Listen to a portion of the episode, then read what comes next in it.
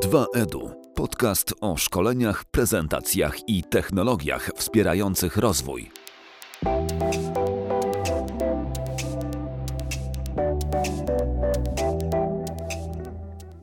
Dzień dobry, z tej strony mikrofonu Piotr Peszko, a witam w kolejnym odcinku podcastu 2EDU. Tydzień temu skupiliśmy się na wystąpieniu Bartka Polakowskiego, e, na wystąpieniu z e, trzeciego forum edukacji dorosłych, a w tym tygodniu, w tym tygodniu podzielę się nagraniem z tego, co sam powiedziałem. Może to trochę dziwne, żeby samemu siebie zapowiadać w podcaście, ale no cóż, materiał jest, warto się nim podzielić. To, o czym mówię, głównie skupione jest na wrażeniach, efektach i danych, które udało mi się zebrać po letniej szkole e-learningu. Mm, część tych e, rzeczy jest dość zaskakująca, e, zaskakująca dla mnie, bo okazuje się, że taka forma uczenia się mm, przede wszystkim została przyjęta z ogromnym entuzjazmem. I myślę, że warto, na pewno warto robić kolejną edycję do której już zaprosiłem ludzi, e, którzy mają ochotę to robić, ale teraz przenieśmy się w czasie do form edukacji dorosłych.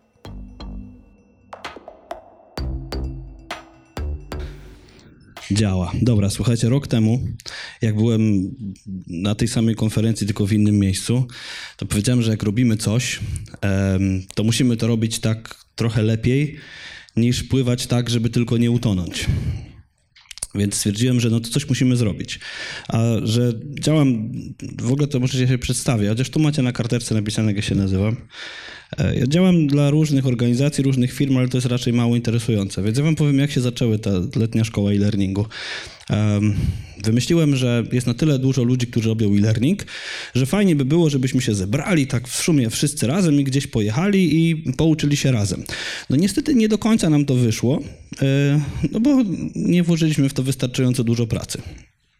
Ale zanim się to zaczęło, to e, ja pomyślałem, ok, ale ta idea wakacyjnego uczenia się musi gdzieś tam zadziałać. No więc stwierdziłem, że niezależnie od tego, gdzie, będzie, gdzie ludzie będą, co będą robić, to trzeba wymyślić taką formę, żeby oni się mogli czegoś tam o e-learningu nauczyć. No więc przede wszystkim zapytałem, co by tak naprawdę chcieli.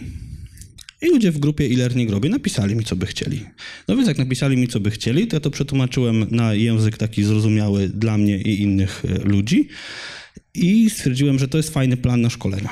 No to dobra, no to jak jest fajny plan na szkolenia i jestem w stanie to technologicznie ogarnąć e, z pomocą Pawła, to tak, taki wysoki chłop z brodą, to on to ogarniał. E, I skoro jestem to w stanie zrobić, potrafię nagrywać podcast, to dlaczego by tego nie zrobić? No i hej ho. I to po prostu zadziałało. Jakby system bardzo prosty. Tytuł, dalej, wstecz, spis treści, kto mówił, co mówił i dlaczego. I teraz jakby pytanie, które ja sobie postawiłem, no to skoro ja to nagram, to czy to będzie, w sensie skoro nadmucham to kółko i czy ono będzie pływać? Czy ono jest na tyle dobre, żebym ja je mógł wrzucić na wodę? E, nie mówię, że w nim pływać, ale w ogóle czy ono samo będzie pływać? I teraz tu bym prosił o oprawę dźwiękową.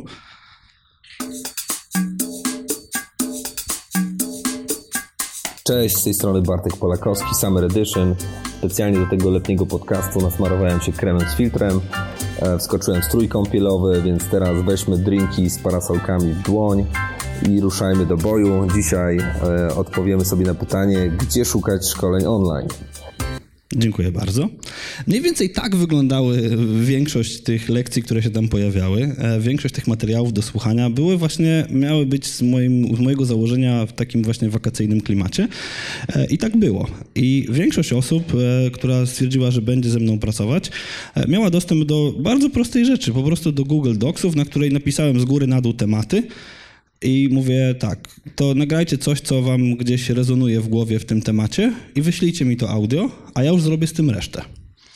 No i jak widzicie, ludzie wysyłali i mieli deadlines i były numerki i ludzie pisali różne rzeczy, o, czymś, o czym powiedzą i potem o tym mówili do swoich mikrofonów, a ja to składałem do kupy i wypuszczałem jako odcinki. I już. I to było dość proste i dość przyjemne. Wystąpiło we wszystkich tych odcinkach mniej więcej 30 osób. Niektórzy dwa razy, niektórzy raz, niektórzy nagrywali z wakacji, niektórzy telefonami, niektórzy super profesjonalnymi jakimiś urządzeniami, ale w większości wypadków to było takie, ok, ja sobie wymyślę o czym powiedzieć, a ty się, y, Piotrku, martw, co z tym zrobić dalej. Więc ja stwierdziłem, że co jest ważne, to jest to, żeby to w jakiś sensowny sposób opakować. Że sama ta wiedza bez bez jakiegoś opakowania niekoniecznie będzie w stanie żyć w internecie. Więc stwierdziłem, dobra, musi być fajna grafika i jakieś w miarę E, średniolotne teksty się tam powinny pojawić. E, I na przykład to jest jeden z ciekawszych. Jak powinny wyglądać szkolenia? Powinny likwidować piski, zabezpieczać powierzchnię, poluzowywać zardzewiałe części, uwalniać zacinające się, zacinające się mechanizmy i uruchamiać wilgotne silniki. Ja się z tym zgadzam, w ogóle rozwój to jest definicja. Jak ktoś pytał, co to jest rozwój, to bierzecie puszkę WD-40 i tam jest to napisane. Po prostu. Tu nie trzeba nic wymyślać, nie? To jest. E, no, różne teksty wymyślaliśmy, które e, miały być w jakiś sposób e, intrygujące, może niektóre zabawne. I jak to wyglądało w rzeczywistości i w praktyce. Mniej więcej gdzieś na początku czerwca, chyba 4 czerwca pojawiła się ankieta i od lipca dwa razy w tygodniu pojawiał się odcinek podcastu. I mm, jak przyjrzycie się temu, to było we wtorek i w czwartek. Tutaj te takie szczyty pików to, e, to jest ten moment, kiedy dużo ludzi pobierało i słuchało sobie tych, e, tych odcinków, czyli większość tego materiału było słuchana na bieżąco. Czyli wychodził odcinek, ludzie go słuchali. I teraz powiem wam trochę o, o wnioskach, jakie z tego płyną. Po pierwsze, podcast jest wiecznie żywy. Projekt, który był nagrany e, przez lipiec i sierpień, jak widzicie, w kolejnych miesiącach czyli we wrześniu, w październiku, w listopadzie, miesiąc do miesiąca mam mniej więcej 5% przyrosty e, liczby odsłuchań. I znam organizacje, które sobie włożyły letnią szkołę e-learningu jako swój onboarding. No nie? I ludzie na swoim onboardingu mają tutaj, proszę, jest link, proszę przesłuchać wszystkich tych części. I spoko. I jakby to podobno działa. Znaczy, nie wiem jak działa, bo nie znam tych wyników, ale podobno znaczy ja widzę, że ludzie słuchają. Co się z nimi potem dzieje, to ja już nie wiem. I jakby nie wiem, czy mnie to nawet interesuje, ale co, co zauważyłem jako ciekawy trend? Mm, bo podcastów, inaczej zadam pytanie, e, kto z was ma smartfona? Wszyscy mają smartfony? Dobra. A kto z was słucha podcastów? Okej, okay, dobra, jesteście niestandardową grupą. E, bo w większości wypadków bardzo mało ludzi słucha, ale ta połowa, która nie słucha, to wiecie, że możecie. Okej. Okay. Bo jakbyście nie wiedzieli, to możecie. O co chodzi? Jak popatrzyłem na to, jak słuchane były poszczególne odcinki i ile osób słuchało odcinka przez aplikację, czyli subskrybując i pobierając automatycznie do aplikacji, uświadamiając sobie, że w moim telefonie jest aplikacja, a ile osób słuchało ze strony. To na samym początku całego tego projektu połowa, czy tam 49% osób słuchało z aplikacji, czyli więcej niż połowa osób słuchała ze strony, czyli konsumowała to po prostu jak blok. Pod koniec projektu było pobrań, pobrań już 78%. Czyli co, co to oznacza dla mnie? Że ludzie zaczęli korzystać z aplikacji, która do tego służy. Zaczęli korzystać z kanału, dla którego to było dedykowane, a nie tylko oglądali to ze strony. Więc to jest jakby taki, e, takie bu kwestia budowania świadomości w tym projekcie. No i teraz co? Jak patrzymy dalej na trochę danych, no to 30%, czyli tam 29% to, jest, to są odsłuchania ze strony, ale co jest ciekawe, 39% konsumpcji podcastu odbywa się przez aplikacje generycznie zainstalowane w telefonach, czyli to są e, tam Apple Podcast i podcasty Google chyba się to nazywa, czy coś takiego. Tak czy inaczej, są to generyczne aplikacje, które są już zainstalowane. No potem są wszystkie tam inne, które sobie można doinstalować. E, co jest ciekawe i co moim zdaniem będzie rosło, to jest Spotify. Kto z was ma Spotify'a zainstalowanego? Okej, okay, całkiem sporo osób. Wiecie, że tam są podcasty? Ktoś nie wie? No nie, teraz już wiecie, bez sensu pytania, nie? Idziemy dalej. I teraz, mm, jak ktoś by chciał rozpatrywać ten projekt w kategorii e, sukcesu albo porażki, to myślę, że nie warto. Bardziej to jest kwestia takiego frajerstwa mojego prywatnego, e, bo mniej więcej tyle czasu spędziłem na tym, żeby ten projekt ujrzał światło dzienne. 170 godzin mniej więcej zajęło mi to, żeby, e, żeby te podcasty wypuścić w świat. E, czy to jest dużo, czy mało, no to musicie się już zastanowić. E, miałem to szczęście, że miałem na tyle przestrzeni w trakcie wakacji, żeby to poświęcić. E, powiem wam tak, gdybym dzisiaj wiedział, że to będzie 170 godzin, w życiu bym tego nie zaczynał, no nie? No ale jak już zacząłem i była siła społeczności, a w zasadzie y, siła tego, że głupio mi będzie im powiedzieć, że olałem materiał, który przygotowali, no to dokończyłem. Nie, ja, go, ja nie doliczam go, bo to nie jest mój, to nie, mnie nie boli ich czas pracy. Znaczy, jak mówię o skali projektu, no to pewnie to by trzeba było pomnożyć razy dwa, myślę.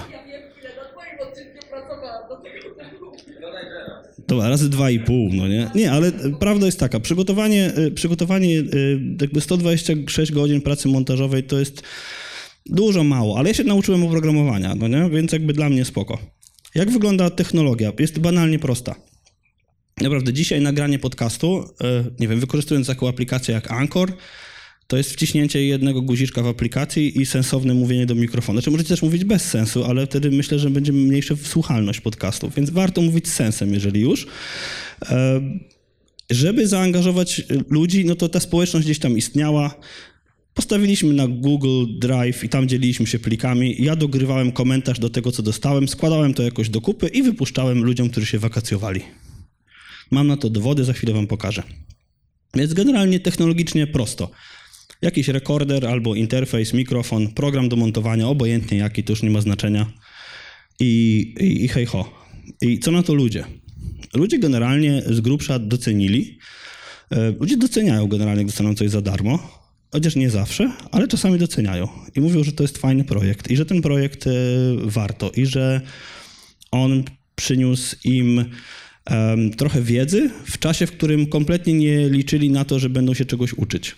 Więc e, z tej perspektywy myślę, że, że to jest fajne. Bardzo lubię ten e, cytat, dziękuję. To była logistyka i, i project management, na pewno. I teraz, co dla mnie jest, co dla mnie jest ciekawe, to to, że całkiem sporo ludzi wysłało mi zdjęcia, jak słuchają podcastów. Więc e, jak znajdujecie to swoje, to się bardzo cieszę. E, na przykład niektórzy sobie robili e, kompot z jabłek. No, ale wnioski i coś dla Was. Generalnie zrobiłem bardzo krótkie badanie E, w grupie, żeby dowiedzieć się, jak ludzie podchodzą do podcastów. Bo nie ma polskiego raportu na ten temat, żadnego. Nie istnieje jeszcze. Mam nadzieję, że za jakiś czas będzie istniał i że go zrobimy. E, ale zadałem kilka pytań. No i okazało się, że 94% osób, które, to jest oczywiście tendencyjne badanie, bo ta grupa słucha podcastów, więc jakby logicznie, że powiedzieli, że słuchają więcej, ale co jest ciekawe, no słuchają aktualnie więcej podcastów niż w poprzednim roku. Jakby to jest trend wzrostowy. Średnio 65% słucha e, w ciągu ostatnich 30 dni więcej niż 8 audycji. No nie? Czyli średnio podcasty się pojawiają raz na tydzień. Myślę, że trwają 30 minut do godziny. Więc to oznacza, e, że ludzie konsumują kilka godzin e, audio w tygodniu.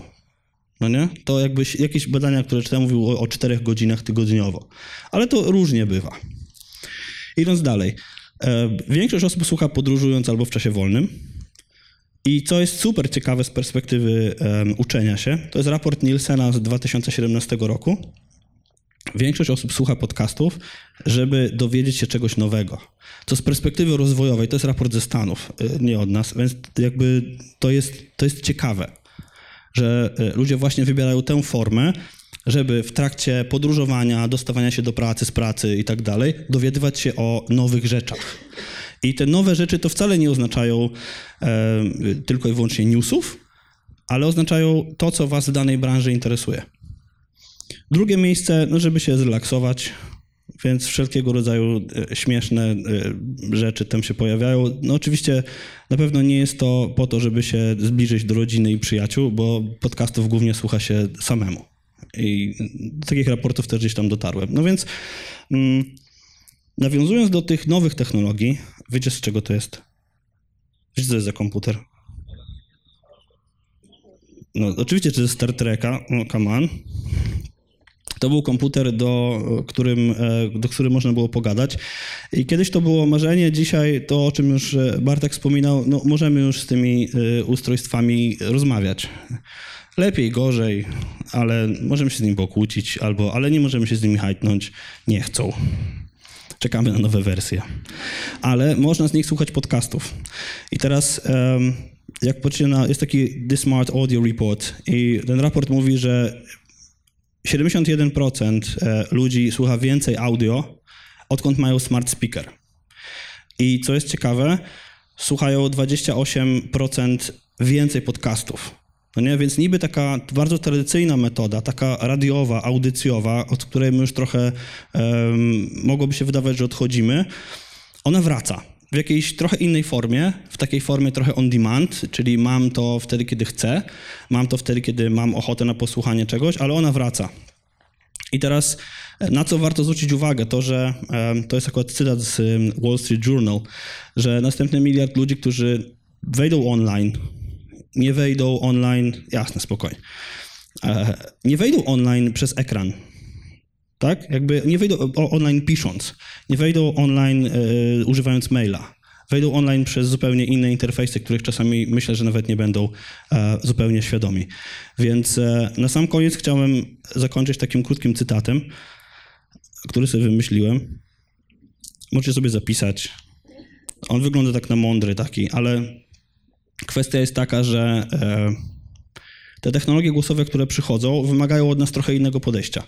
Wymagają od nas podejścia, w którym niekoniecznie coś musimy pisać, e, niekoniecznie musimy coś rysować, ale będziemy czasami mówić. A jeżeli mówimy, to my w głosie e, jesteśmy czasami w stanie aktorzyć, i ktoś może niby nie zauważyć naszych emocji, ale jak posłuchacie trochę podcastów albo posłuchacie trochę różnych, e, różnych takich materiałów audio, to my jako ludzie jesteśmy bardzo wrażliwi na to, jakim tonem jest coś wypowiedziane, w jaki sposób e, i czasami, e, czasami ta autentyczność albo jakieś emocje, które, których normalnie obrazem nie jesteśmy w stanie przekazać, to tam właśnie jesteśmy. I teraz tak, jeżeli macie ochotę dowiedzieć się więcej, to zapraszam Was do takiego projektu, który chciałem Was tutaj przedstawić Pawła i, i Asię. Oni są tu, jakby wstali, to byłoby miło. I oni też razem ze mną współtworzą ten projekt. E, I to jest projekt, który my chcemy i robić raporty na temat podcastingu, i chcemy um, pomagać ludziom tworzyć własne podcasty. Więc jeżeli macie ochotę coś takiego zrobić, czy na poziomie organizacji, czy zrobić własny podcast, e, no to wystarczy, że tam się z nami skontaktujecie. Na Facebooku też nas możecie znaleźć, albo po prostu możecie do mnie wysłać maila. Dziękuję bardzo.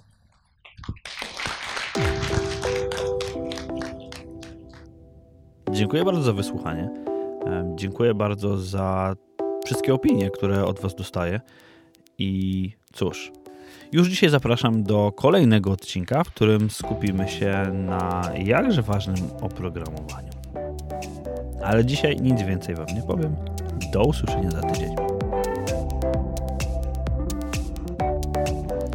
Oczywiście zapraszam do oceniania podcastów iTunes lub w aplikacji, z której korzystacie. Zapraszam do wysyłania opinii na grupie e-learning robię, e, tudzież e, w aplikacjach, w których e, słuchacie podcastów. To, to jest ważne, jakby ocenianie podcastu i pisanie tych opinii jest ważne. Jest ważne dlatego, że wtedy podcast w rankingach tych aplikacji pojawia się wyżej. A jeżeli pojawia się wyżej, to dociera do większej grupy odbiorców.